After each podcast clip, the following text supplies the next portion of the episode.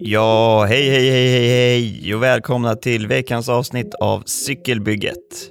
Mitt lilla projekt där jag, Anders, försöker lära mig så pass mycket om cykelns alla delar så jag om två år kan bygga ihop en cykel som passar precis mig. Varannan vecka snöar jag in på en ny produkt eller mountainbike och försöker lära mig så pass mycket jag bara kan om den i hoppet om att det ska göra mig lite smartare. Idag ska vi snacka mullet bikes. Vad är det? Vad är fördelarna? Vad är nackdelarna? Och hur gör man sin egna mullet?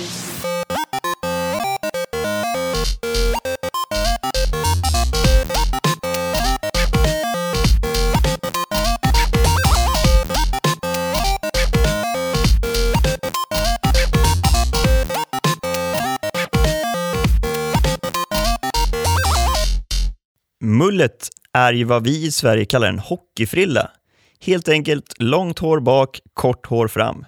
Men i cykelvärlden betyder det att man mixar hjulstorlekarna på cykeln. Till exempel att man har ett litet hjul bak och ett stort hjul fram.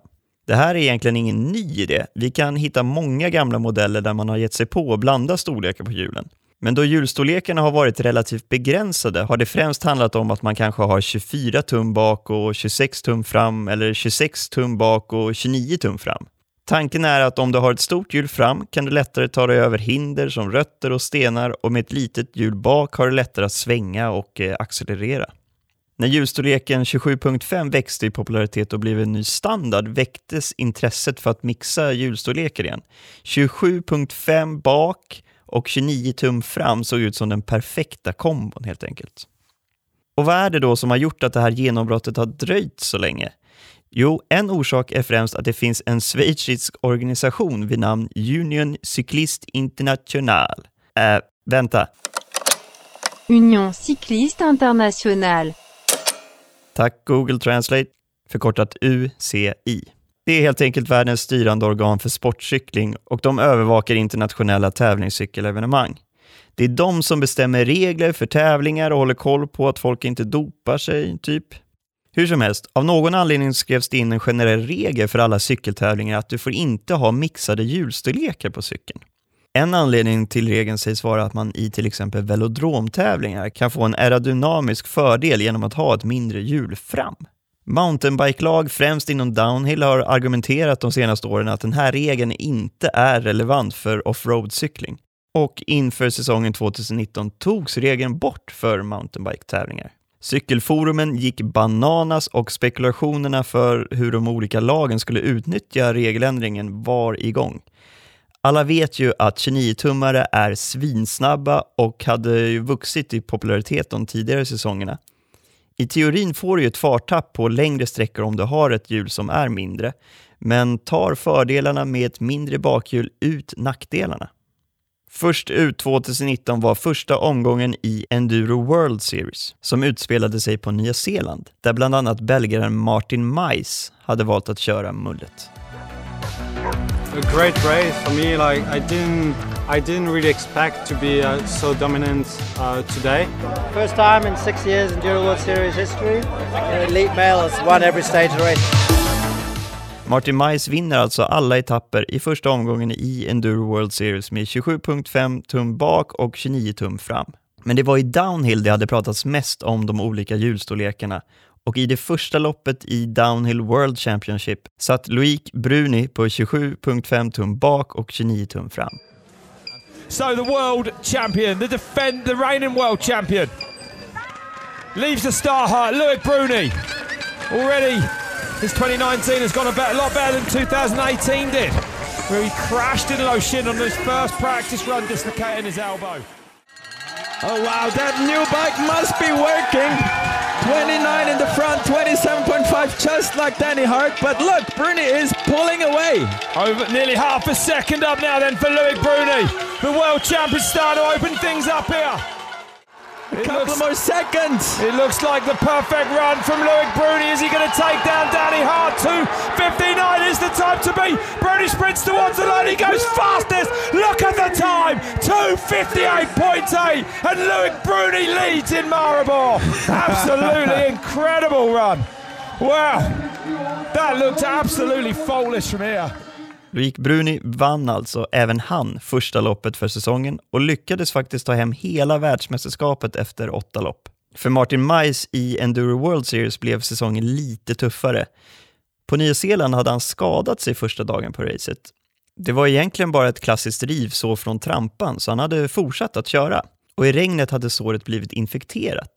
Han hade varit inne och fått lite antibiotika efter första dagen och då kunnat köra andra dagen och vinna loppet till slut.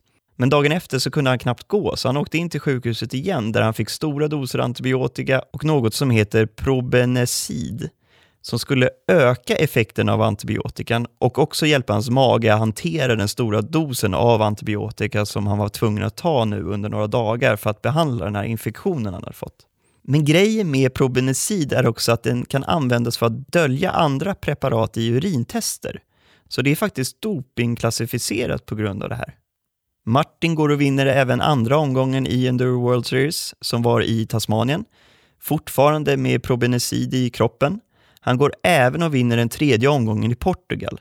Då hade han dock blivit helt frisk så han använde inte Probenecid längre. Men de här urinproverna som de gör mellan tävlingarna tar ju lite tid att få resultat på, så det är först efter hans tredje vinst som man får reda på att hans dopingstester från de två första omgångarna inte var godkända. Så han blev av med de två första vinsterna och avstängd i 30 dagar. Uh, you know that can happen. You know he wasn't. He wasn't. You know the doctor uh, knew that he wasn't going to help me, but he was a masking agent, uh, which is banned uh, from the UCI, and you know you could hide all the stuff if you take that medicine. Uh, so that's why he was banned, and um, I was quite lucky as well that. Um, that medicine didn't help me, uh, Yeah. you know, winning in New Zealand, in Tasmania. Um, and, you know, Because I- it was nothing to enhance your performance. no, no, it was just nothing. a masking no, thing that- absolutely nothing, yeah. And, That's um, clear for everyone. So that's yeah, the yeah. good thing. Yeah, yeah, yeah. Det där var faktiskt Martin Maj som blev intervjuad av Loic Bruni som vi pratade om tidigare. Loic Bruni har en liten intervjuserie på Youtube som är lite rolig faktiskt. Hur som helst, förutom Martin Mice i Enduro World Series är det ingen åkare med mullet som sticker ut säsongen 2019. Det är de rena 29-tummarna som dominerar och tar hem vinsterna. En mulletbike accelererar ju snabbare än en 29-tummare, men det krävs mer av åkaren för att hålla i toppfarten. Och då endurontävlingarna innehåller sektioner som är lite mer platta så kan det ju vara så att rena 29-tummare tjänar mer på de sträckorna. Men i downhill däremot verkar det vara en fördel med mullets och inför säsongen 2020 kom det fram att en hel del åkare hade laddat sina cyklar med mixade hjulstorlekar. Men den säsongen blev inställd på grund av covid.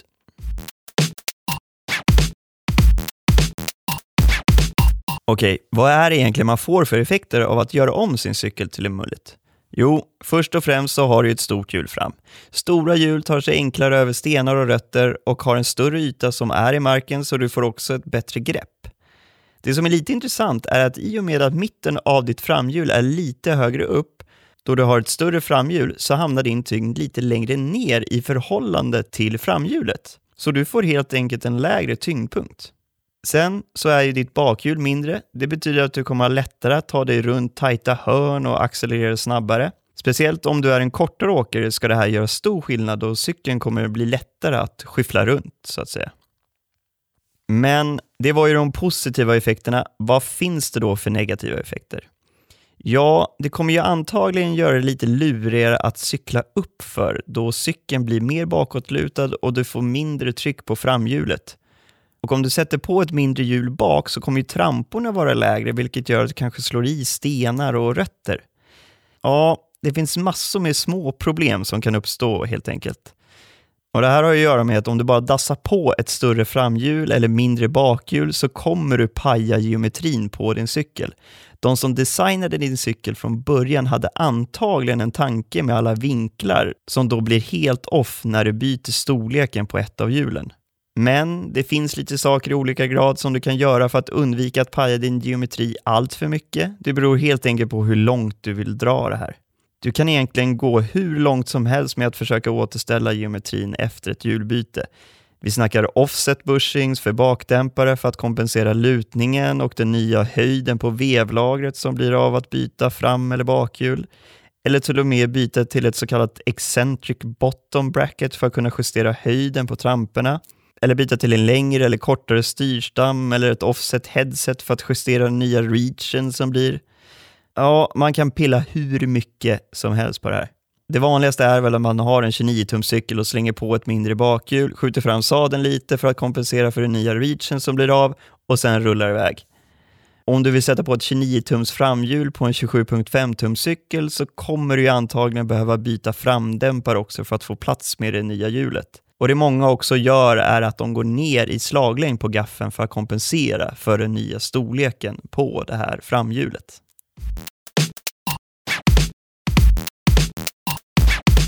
Så för att sammanfatta då. Är Mullet Bike snabbare? Ja, för downhill verkar det som att man får ut det mesta utav fördelarna av att ha ett mindre hjul bak och påverkas inte så mycket av nackdelarna.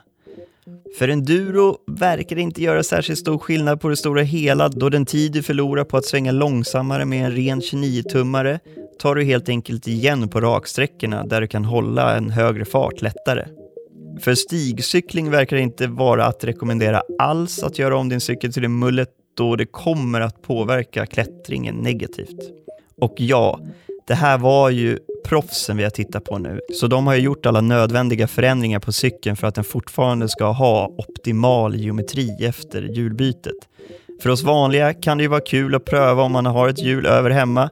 Själv är jag faktiskt tankarna på en ny framgaffel till nästa säsong till min gamla 27.5 tums Canyon Spectral och det skulle ju vara intressant att när jag ändå är i farten skaffa en gaffel för 29 tum. Men jag kommer nog inte gå längre än att dra ner slaglängden och kanske experimentera lite med offset bushings. Ja, ja, vi får se vad som händer.